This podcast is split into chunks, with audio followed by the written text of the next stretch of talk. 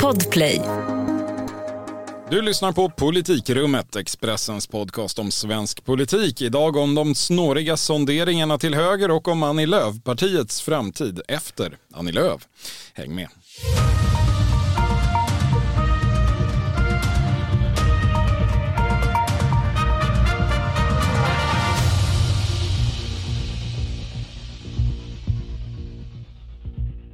Det är tisdag den 20 september och dags för det 43 sammanträdet här i Politikrummet. Podden som ingen kan rösta bort. Närvarande idag är jag, Viktor Bartkron och du, Thomas Nordenskjöld. Hej hej. Hallå hallå. Det har gått nio dagar sedan valet, sex dagar sedan Ulf Kristerssons sida av politiken vågade utropa sig som segrare och ett dygn sedan den första rundan hos talmannen. En runda som väl var mer ritual än innehåll kan man säga. Vi fick mm. inga överraskningar och heller ingen deadline för Ulf Kristersson och hans sonderingar. Nej, men det var väl kanske tur det för alla inblandade här. För det har ju en del att lösa ut får man väl säga. Jo, det får man nog. Den formalia som vi har att hålla oss i det är i alla fall att det är talmansval den 26 september, det vill säga på måndag. Och den nya riksdagen som alltså valdes i riksdagsvalet, den öppnar formellt dagen efter, alltså på tisdag. Och fram till dess, en tid tillbaka och förmodligen en bit in i oktober om vi får gissa, så pågår mm. eh, de mindre formella förhandlingarna, ja. men nog så viktiga, eh, mellan partierna på den valvinnande sidan då, moderater, sverigedemokrater, kristdemokrater och liberaler. Och det alla undrar förstås, Thomas, hur går det? Ja, alltså det är ju rätt svårt att få ut saker från de här förhandlingarna. Alltså det är tydligt att det har gått ut direktiv eh, om att eh, minsta lilla läcka kan orsaka allvarliga, få allvarliga följdverkningar. Och det var som en jag pratade med sa, eh, som själv deltar här, att, liksom, att bara genom att yppa vad de har för fika så kan de äventyra allt. Och då undrar man ju lite vad det är de äter till exempel söta kattungar i Exakt. Men att det, liksom, det är klart att det läcker ut så lite, väl någons, eller att det inte läcker ut någonting i princip är ju någonstans ett gott tecken får man väl säga. Men allt annat vore ju också ganska sensationellt i det här läget. Men, men det jag hör annars är ju att liksom förhandlingarna, när man å ena sidan beskrivs de som konstruktiva och bra av de som har insyn i dem, men å andra sidan som väldigt eh, komplicerade. Tycker ändå man ska säga att det är lite överraskande att det inte läcker med tanke på att Liberalerna är inblandade. Men de har ju å andra sidan hotats med, vad var det, var det kallt stål om någon skulle Exakt så, sen har det inte gått så många dagar så att vi får ge dem lite tid. Eh, men om vi eh, för en gångs skull ska börja med det som faktiskt går bra då i de här förhandlingarna, vad, vad är det? Jo men alltså jag tycker det är tydligt, alltså, alltså partierna har ju redan liksom kommit en bit redan innan de här regeringsförhandlingarna tog fart på allvar. Alltså man börjar ju inte från noll här som mer var fallet i förra regeringsbildningen faktiskt. Alltså, alltså eh, för fyra år sedan då? Hösten ja, men, ja men precis och då liksom delar av hösten liksom dessutom ägnades åt att undersöka massa olika regeringsalternativ som ingen riktigt trodde på. Eh, ofta för att eh, Centerpartiet krävde så. Ja, och de var vågmästare då, men inte nu. Nej, men nu är man liksom ändå överens. Det är klart, det är liksom fyra partier. De är överens om att det är de som måste enas, de vill enas. Och ja, men man har redan under de här liksom ett, två åren när de här partierna närmat sig varandra. Först var det bara M, KD och L, eh, M, KD och SD, sen kom L med. Men det liksom, eh, de har redan skrivit ihop sig en del eh, och är överens om vissa delar, vilket underlättar. Dåliga nyheter för den möjligen smala målgrupp som verkligen gillar det här med upprepade talmansrundor men förmodligen ett lyft då för de inblandade själva. Ja, och sen, men sen är det också så att de inte heller behöver liksom uppfinna något politiskt projekt här. Alltså det finns ju ganska uppenbara problem får man säga. Alltså en rad ja, rena, eh, liksom, mer eller mindre akuta kriser som måste hanteras och lösas. Och, och jag tror att det underlättar ändå ganska mycket här. Alltså, ja, i själva förhandlingsskedet. Ja. ja, men jag tror det för att man är, liksom, man är överens såklart om, alltså, dels har vi det här med liksom, kriminalitet och gängvåldet som måste, liksom, det är man, där är man någonstans mellan de här fyra partierna överens om att de, det måste ha högsta prioritet och där ska det fram reformer. Man, det handlar också om energikrisen som måste hanteras både liksom kortsiktigt och långsiktigt. Eh, och nu dessutom då så har man en, liksom en inflation som bara rusar helt okontrollerat. Riksbanken kom idag med den största räntehöjningen sedan ja, 1990-talskrisen var det väl. Mm, en hel procentenhet. Ja, men alltså denna regering och dessa fyra partier alltså, behöver hantera dessa kriser och det gör att de kommer lägga en del annat åt sidan, vilket nog kan underlätta. De diskussionerna om hur kraftigt anslagen till Skansen ska höjas, som ju har varit ett SD-krav, det, det, kanske får vänta och public service sändningstillstånd för att ta en potentiell knäckfråga. Det går ju faktiskt inte ut förrän i slutet av 2025 så det finns lite tid att eh, och låta den saken bero. Kanske De förhandlingarna ser vi fram emot då. Nej, men alltså, eh, den här krisen eh, och liksom det allmänt krisiga läget just nu i omvärlden och i Sverige och ekonomin och allting vad det är gör ju också att trycket ökar på att komma överens. Alltså, eh, för inte så länge sedan, om man bara backar bandet eh, till innan kriget i Ukraina, så minns jag själv, jag pratade med ledande sverigedemokrater ja, men, eh, som pratade i termer av att man kommer bli, sannolikt bli tvungna att kanske trycka rött en första gång till Ulf Kristersson för att då tvinga fram större eftergifter. Kanske inte minst då när det gäller migrationen. Men det här är liksom inget man hör om nu. Och det är liksom, jag tror att eh, även om det såklart kommer finnas ett mer eller mindre uttalat hot från SDs sida att man liksom kan, eh, liksom, eh, ja men kanske kommer bli tvungna att fälla och stoppa detta så, liksom, så är det ju utrymmet för att ställa till med liksom oreda som annars Sverigedemokrater brukar säga att så, nej, men det, kolla, vi får aldrig betala politiker, alltså det, vi straffas inte när, när vi har gjort det historiskt så är det ändå så att i det här läget så är det liksom utrymmet för att ställa till med oreda inte så stort, i alla fall vad moderater jag pratar med hoppas.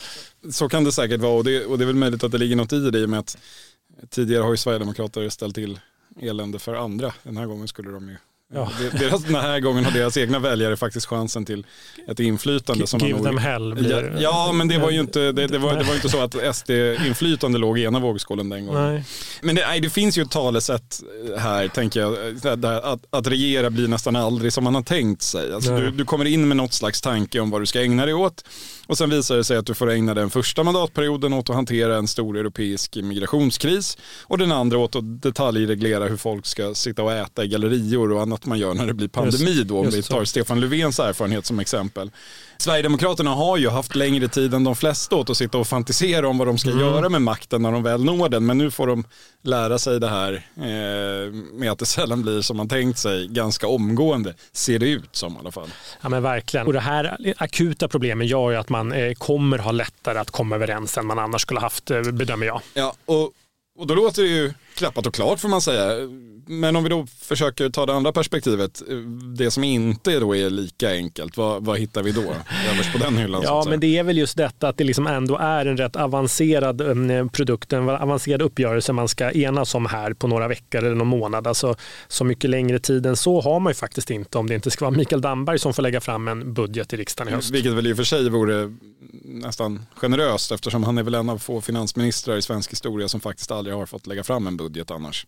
Ja, nu, nu, elaka, nu, nu räknar du inte alla exträningsbudgetar. Nej, en riktig budget. Ja, som okay. där man får promenera mm. Mm. Eh, med nådiga luntan. Men eh, vi får väl se hur det blir med den saken.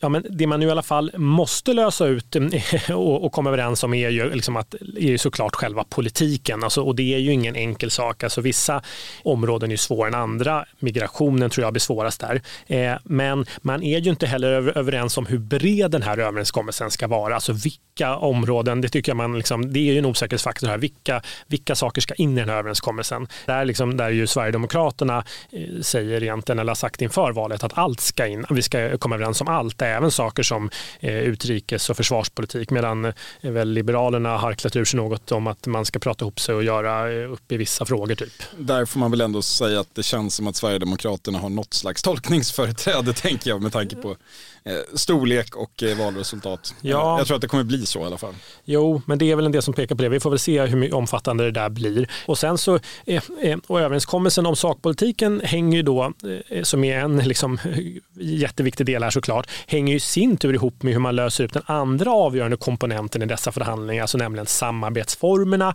och då kanske mer specifikt vilka partier som ska sitta i regeringen. Alltså, och det där är ju, man har ju Moderaterna lite försökt tona ner under valrörelsen som sagt ja det kan bli ja, vi och KD och det kan bli någon annan, det kan bli Liberalerna också, men det där märker man nu att det där är ju en jättestor fråga, närmast lite existentiellt för borgerligheten, i synnerhet när det gäller Liberalernas medverkan. Det har ju varit, som du är inne på, många turer fram och tillbaka under en lång tid här, eh, förmodligen fler än vad normala lyssnare har orkat hänga med i. Vad, vad är det senaste som nu är sagt gällande just vilka som ska sitta i regeringen och inte? Ja, om man nu går på vad de säger så det senaste som är sagt är att Sverigedemokraterna, ja, men de håller ju fortsatt fast vid att de ska sitta med i regeringen. Eh, alltså, eh, och, och pratar man med ledande företrädare i partiet så hävdar de fortfarande att det här är inte bara något man säger utan man menar faktiskt allvar med detta att man tror och hoppas eh, att det ska bli en, en majoritetsregering där då SD ingår. Men alltså, det är ju samtidigt så att eh, enligt mina källor i Sverigedemokraterna och även i andra partier så har ju SD här ändå öppnat för att prata om alternativa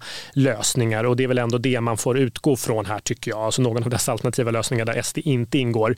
Särskilt eftersom Liberalerna men även Moderaterna varit så tydliga med att det, det liksom inte kan bli en regering där SD ingår.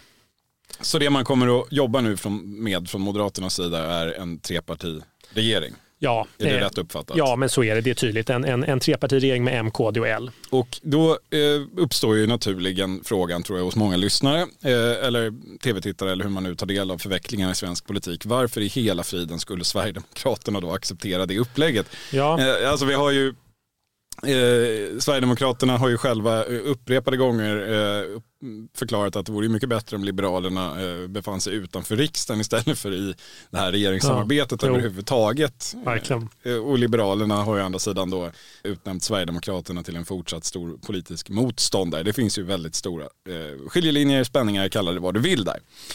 Ja, så varför skulle då Sverigedemokraterna acceptera? Jo, det finns ju möjligen då ett skäl.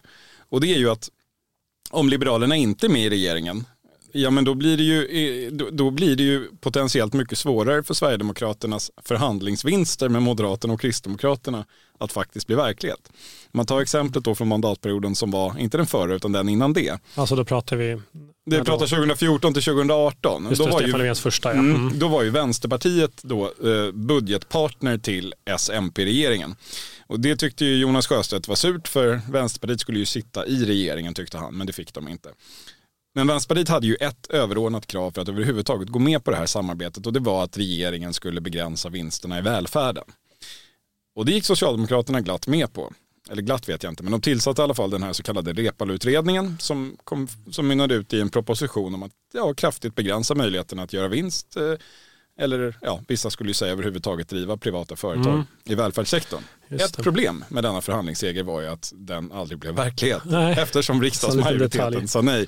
Och det här eh, vet jag är ju en, en stor farhåga som Sverigedemokraterna har haft att man ska vinna en massa förhandlingar. Även Miljöpartiet gjorde ju sånt under den där mandatperioden. Fick Socialdemokraterna att gå med på saker och så blev det nerröstat i riksdagen. Och det är klart, om Liberalerna inte sitter i regeringen, kanske inte ens är med i ett budgetsamarbete, då är det inget som hindrar dem överhuvudtaget från att gå ihop med S, C, V och MP och helt enkelt säga nej till alla de lagförslag nej. som Sverigedemokraterna får regeringen att lägga Just fram. Det. Lång historia, men ja. detta är alltså bakgrunden till att det ens är möjligt att tänka sig att ja. Sverigedemokraterna skulle acceptera liberala ministrar. Ja, men så hör man också tycker jag från Liberalerna hur man liksom, man är ju, Liberalerna i någon form av självbevarelsedrift är ju närmast rädda för, att, för en sån situation där man då inte eh, eh liksom sitter i regeringen och då ständigt tvingas ta ställning till vilken sida man ska tillhöra. Så, så att det är liksom, eh, man närmast vill liksom låsa in sig i det här högerprojektet och kasta bort nyckeln för att, för att slippa det där. Och det är intressant att det verkar gälla alla falanger i Liberalerna. Ja, ja, ja. och även, även, de som och även moderater och alla verkar överens om att det är bäst att bara liksom komma in, det, det kommer bli lite jobbigt men så. Det kanske slutar med att det blir en liberal statsminister till slut för det enda sättet för dem att få vara kvar. Ja, jag vet inte, så roligt kanske vi inte ska ha det. Men hur som helst, men det man också hör från Liberalerna är att de, verkligen, de vill verkligen in i regeringen. Och liksom, man bör notera att det, det, tycker faktiskt många av de som tidigare varit starka motståndare till SD-samarbetet också. Alltså man ser sig gärna som någon form av grindvakt för att det här inte liksom fullständigt ska spåra ur som man beskriver det. Och eh, om man sedan då kommer kunna acceptera de här eftergifterna som då kommer krävas och som det är det någonting Moderaterna säger för det är ju en osäkerhetsfaktor. Här kommer Liberalerna i slutändan kunna vara beredda att betala det här priset som kommer krävas då som man då ska ge SD i form av politiska eftergifter för att de ska släppa fram det här. Det, det återstår ju att se. Det, allt detta kommer väl avgöras på något partistyrelsemöte här någon gång framåt uh, oktober någon gång? Ja, eller, eller till och med, det, det, det, ska bli lite spännande här. Det blir ju ett extra landsmöte i Liberalerna i höst redan enligt planer. Då är det i och för sig för att välja partiledare. Johan Persson är ju bara tillförordnad underordnad eh, i brådrasket efter Nyamko Sabunis avgång. Så det finns ju ett tillfälle då man potentiellt skulle kunna tänka sig. Det där är ju glömt bort, vad festligt. Ja men det är ju inte, planen är ju inte att något annat ska komma upp på bordet. Men om jag känner Nej. det där partiet rätt ja. så finns det ju en risk Under... att Vi är specialister på det vi gör, precis som du. Därför försäkrar vi på Swedea bara småföretag, som ditt. För oss är små företag alltid större än stora och vår företagsförsäkring anpassar sig helt efter firmans förutsättningar. Gå in på swedea.se företag och jämför själv. Just nu pågår vår stora season sale med fantastiska priser på möbler och inredning. Passa på att fynda till hemmets alla rum, inne som ute, senast den 6 maj. Gör dig redo för sommar. Välkommen till Mio. Övrigt, under övrigt. Övriga frågor, ska vi, ska vi rösta nej till den här regeringen? Nej men det, det, det finns väl alla möjligheter för eh, tidigare fattade beslut att omprövas eller eh, förhandlingar att eh, få oss att spåra ur eh, under höstens gång. Det blir väldigt spännande på det sättet får man ju säga. Onekligen. Okej, vi pratar mycket om Liberalerna och Sverigedemokraterna. Det gör många andra också när det gäller det här eh, ja, jag ska inte kalla det samarbetet än för det har inte, det har inte blivit det, men det, det tilltänkta samarbetet. Precis. Men Moderaterna då, var, var, befinner de sig just nu i, i, i sin politiska vilja? Ja, alltså eh, en intressant sak som jag eh, liksom tycker att man bör notera här tydligt är att ett av de, liksom det första som de här fyra partierna egentligen enats om nu som de har satt sig och förhandlat är ju att man ska behålla Oskar Stenström som NATO-förhandlare. Alltså den socialdemokratiska tjänstemannen som enligt eh, sägen eh, kom hem från ambassaden i Chile för att hjälpa Magdalena Andersson att omvända sig själv, sitt parti, sitt land och sedermera även andra länder, Turkiet, i frågan om svenskt NATO-medlemskap. Ja, Precis så. och det jag tycker mig höra från M-håll, eh, från Moderaterna då är ju att liksom det här pratet om att man vill vara ett samlingsparti, eh, liksom det är inte bara prat utan det är faktiskt någonting man vill och en roll man söker. Och eh, att det liksom med den här utnämningen av Oskar Stenström så vill Moderaterna visa att man verkligen kommer försöka att luta sig mot Socialdemokraterna en hel del i dessa oroliga tider. Alltså, det, det talas från en del moderater med närmast sorg i rösten om hur tråkigt det är att relationen mellan socialdemokrater och moderater varit så dålig under senare år. Mm, det, jag kan tänka mig att det pratas mycket om det de senaste nio dagarna, ja. inte lika mycket innan. Nej, det är faktiskt så. Men enligt mina källor så vill man liksom från Moderaterna och även Liberalerna har man det här mycket liksom i, största möjliga mån luta sig mot Socialdemokraterna när det gäller exempelvis EU-frågor. Och det är liksom, ja men det, det, det, är liksom, det är lite intressant och det handlar ju också om att någonstans, tror jag, stärka den här regeringens legitimitet, kanske även utomlands där liksom SDs inflytande orsakat en del stora rubriker och, och, och, är en faktor. Ja, det är ju bara vad är det, drygt 20 år sedan det var diskussioner om att kasta ut Österrike ur EU för att de var första parti att luta en regering på högerpopulister. Men det har väl också viss praktisk politisk betydelse tänker jag. Det är ju trots allt så att vi går mot ett ordförandeskap i EU nu till våren. Eh, det är ju också så att det händer saker i EU Ja. Det har inte pratats så mycket om det i den svenska valrörelsen, men det kommer pratas mer om det. EU-kommissionens ordförande Ursula von der Leyen sa ju bara häromdagen att det är dags att diskutera fördragsändringar. Underbart. Och som vanligt så lär det ju då inte vara ett mindre EU som den diskussionen landar i. Det brukar får, inte vara det. Nej, om jag får gissa. EU-frågan har varit helt frånvarande som sagt i valdebatten, så, eh, men så lär det inte vara under mandatperioden som kommer. Och att hantera den typen av frågor ihop med ett jättestort samarbetsparti som i grunden faktiskt ändå vill lämna EU. Ja, det ska lösas upp helst av allt. Ja, eh, det är väl ingen rakt igenom önskvärd situation för en eh, borgerlig regering kan man tänka. Nej, verkligen inte. Och sen får vi se om de har, Sverigedemokraterna och Socialdemokraterna accepterar det upplägget bara. Det, mm. det är väl onekligen en chans för Magdalena Andersson att visa sig som den oerhört jättevuxna i rummet då, trots Eh, Eh, att Ulf Kristersson har bestulit henne på statsministerposten tillsammans med SD.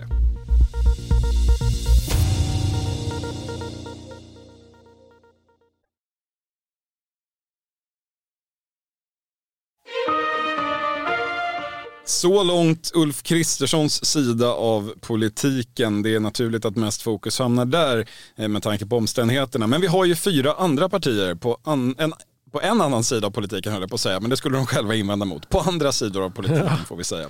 Där har det hänt en del också, hos vissa mer än andra Thomas. Ja, alltså Miljöpartiet har man ju till exempel inte hört så mycket av. Eh, det kanske är mest lättade efter att ha överlevt detta val kan jag tänka. Jag mötte faktiskt Per Bolund innan jag skulle med i Agenda i söndags och han var ju på väldigt bra humör. Han plockade fickorna fulla med godis och var allmänt uppåt. Ja, jag tyckte han såg eh, väldigt välmående ut. Kanske fräsch och utvilad nu efter att Märta Stenevi fick ta alla valdebatter. Ouch. Nej, förlåt. Men även Socialdemokraterna får man säga håller humöret hyfsat uppe. I alla fall utåt efter ett eh, starkt resultat för egen del. Drygt 30 procent. Magdalena Andersson verkade inte direkt förkrossad när hon lämnade in sin avskedsansökan till talmannen här i mitten av förra veckan. Hon var också tydlig med att det är hon och ingen annan som ska leda Socialdemokraterna i opposition. Mm. Och det är de ju garanterat väldigt glada för. Ja, men så är det ju. Det här är ju en stor skillnad mot eh, senast Socialdemokraterna hamnade i opposition 2006 när den allt annat överskuggande Göran Persson lämnade scenen, lämnade ett vakuum och det gick eh, fullständigt åt skogen.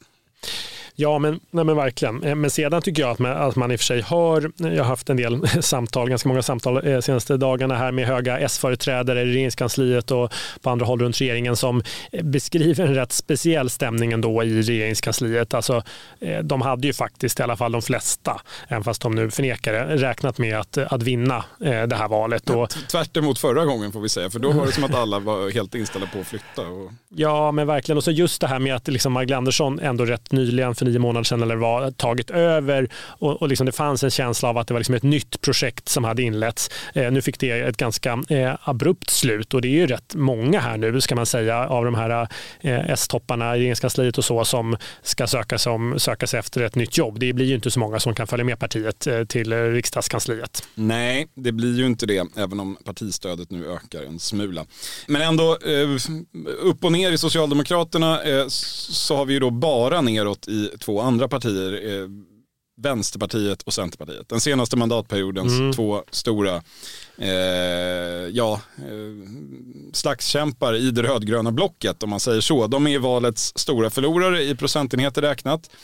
Faktiskt, eh, det blev faktiskt väldigt dramatiskt mellan dem om fjärdeplatsen eh, där Vänsterpartiet spurtade om i slutet av rösträkningen med drygt 2000 röster. Viktig prestigeseger men en klen tröst med tanke på var förväntansbilden låg, även i Vänsterpartiet. Jo men verkligen, alltså hade man sagt till vänsterpartister eh, ja, men förra sommaren då partiet väl var uppe på 10 och hoppades på 15 kanske att de eh, eh skulle landa på 6,7 eller vad det nu var eh, så hade de nog knappast trott det tror jag. Nej, det såg ju ut så länge som att eh, allt gick så perfekt. Det var en perfekt överlämning från Jonas Sjöstedt till hans eh, då framskolade efterträdare Nooshi Dadgostar. Men Vänsterpartiet ser ser ut att halka tillbaka där man brukade vara innan allt började gå bra, nämligen i interna stridigheter. Ja. Strategin ifrågasätts redan kraftigt från olika håll den, de motsättningar kring klimatpolitiken och fokuset på ja, det som nästan kommit att mm. bli ett meme, det här med arga män i bruksort, eh, kritiseras mycket. Vi, eh, partiledningen mm. eh, ifrågasätts. Mm. Hur det slutar. Ja, vi ska nog inte utesluta att även partiledaren eh, kommer att ifrågasättas. Nej, jag tror inte det. Mm. Nej. Eh, Vänsterpartiet har inte ordinarie kongress förrän i början av 2024, men eh, det kan nog tänkas att det kommer diskussioner tidigare än så kan man tro. Ja, och eh, då får man ändå säga att det är ännu mer dystert i det andra partiet du nämnde där, eh, Centerpartiet. Alltså, och där han avgångskraven knappt ens börjar komma innan de fick effekt snabbare än de flesta trott. Och kanske till och med snabbare än några hoppats. Alltså Annie Lööf mm. valde ju eh, att förekomma debatten om sin egen eh, position kan man säga och det var väl eh, kanske inte någon supersensation efter 11 år och en Nej, valförlust. Men det gick men... snabbare än man hade väntat. Ja det, det, var uppenbart att eh, hon och andra gjorde analysen att det, det var bättre att förekomma än att mm. förekommas. Det var ju ändå veckans största nyhet vid sidan av själva det fastställda valresultatet. Att en av partiledarkretsens verkliga veteraner, den efter Jimmy Åkesson som har suttit längst, kliver av efter 11 år. Och det blir ett stort tomrum att fylla helt klart. Det är ju få som har kommit att verkligen personifiera sitt parti så mycket som Annie Lööf har gjort i Centerpartiet ganska många år nu. Nej, nej men så är det verkligen och hon har ju varit oerhört viktig både för sitt parti men även för svensk politik får man säga. Ja, det har spelat en mycket central roll mm. på, en väldigt, på väldigt viktiga riksdagsmandat i alla fall ja, fram till eh, förra söndagen. Ja, exakt så. Ersättaren till Annie Lööf ska väljas på en extra stämma i Centerpartiet som ska hållas inom citationstecken om några månader. Slut citat. Den fråga alla ställer sig är förstås vem blir det? Men en större fråga är kanske vad blir det? Frågan kommer ju jaga Centern under den här processen. Eh, den kommer ja. jaga kandidaterna. Ska man mm. fortsätta Annie Lööfs projekt eller ska mm. man välja en annan väg? Några solklara efterträdda kandidater ser vi väl hur som helst inte riktigt, eller? Nej, man gör ju inte det. Alltså, det och det är väl det som man har sagt ett tag eh, internt också, att det är en av Annie Lööfs stora svagheter här under hennes sida. Att eh, det liksom andra starka namn har lämnat och att hon lämnar efter sig ett parti utan självklara efterträdare. Så, eh, och, eh, alltså det jag hör från många partier är väl att det behövs någon och det är väl liksom lite formulär 1A att återvända till, liksom, ja, men i det här fallet då, eh, någon som är förankrad, tydligt förankrad i landsbygden och så. Det är väl det man hör och att det kanske också att det, eller det man nämner också att det inte kan bli Martin Ådahl. Och det har nog inte bara att göra med att han bor i en villaförort i Stockholm. För det är ju annars den som, om man bara tittar på det från rymden, skulle vara närmst till hands. En ja, men apropå i, det här om man nu ska fullfölja och fortsätta hennes projekt. Men det, det är som tydligt att när man pratar runt att så, ja, nej, men det, det är svårt att se landsbygden viktig och inte Martin Ådahl. Ja, typ så, det som gör den här valförlusten extra eh, plågsam för Centerpartiet är just det att man backar så tydligt i de klassiska kärnländerna ute i landet. Eh, det man nu hör, kanske inte oväntat, är ju då att det bubblar fram ett missnöje med eh, Ja, Annie Lööfs projekt kallar vi det som har mynnat ut i en plats i det röda laget i svensk politik. Då. Mm. Eh, man gick ju mer eller mindre frivilligt till val som det fjärde rödgröna partiet och det här bedöms ju ha kostat i eh, klassiska centerbygder. Mm. Den bild man får, det man hör eh, är ju att det är ganska få som är sugna på att en gång till gå till val med Miljöpartiet som en naturlig samarbetspartner. Det där pratas det mer om nu, Miljöpartiet just. Det är lite intressant. Ja, det, det finns många pariapartier nu för tiden i svensk politik. Och det, det pratas då om en friare roll, eh, hör jag eh, här och var. Mm, att det är en friare roll i mitten och så. Och det kan ju låta logiskt och enkelt, men bara om man glömmer hela bakgrunden till att Centern hamnade där de gjorde. Ja.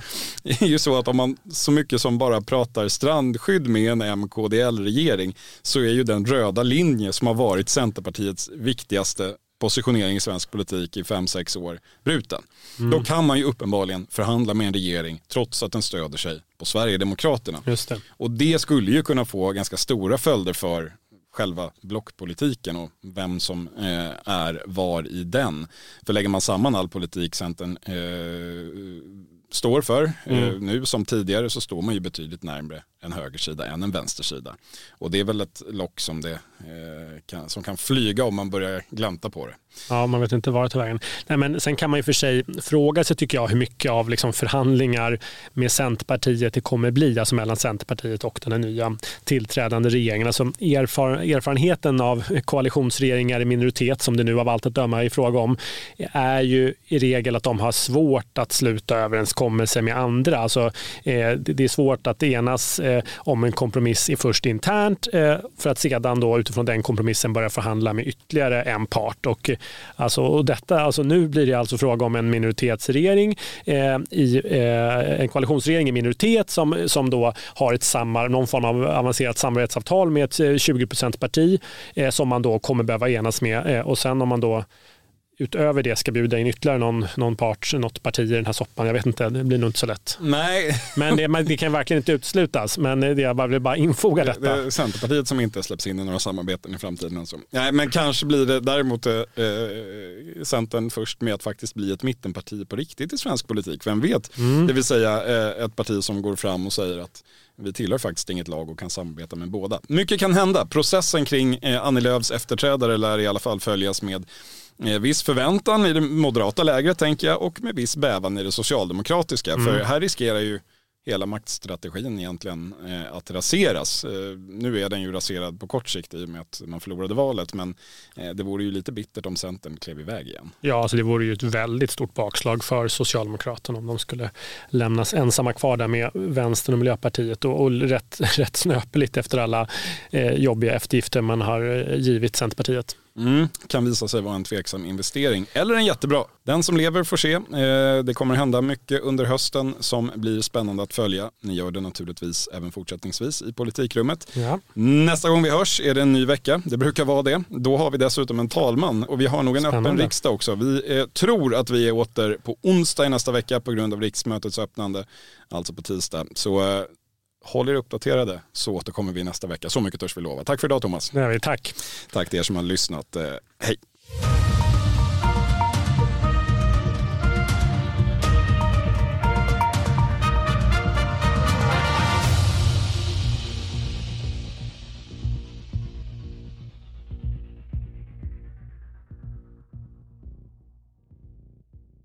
Du har lyssnat på en podcast från Expressen. Ansvarig utgivare Klas Granström. CSRD. Ännu en förkortning som väcker känslor hos företagare. Men lugn, våra rådgivare här på PWC har koll på det som din verksamhet berörs av. Från hållbarhetslösningar och nya regelverk till affärsutveckling och ansvarsfulla AI-strategier. Välkommen till PWC.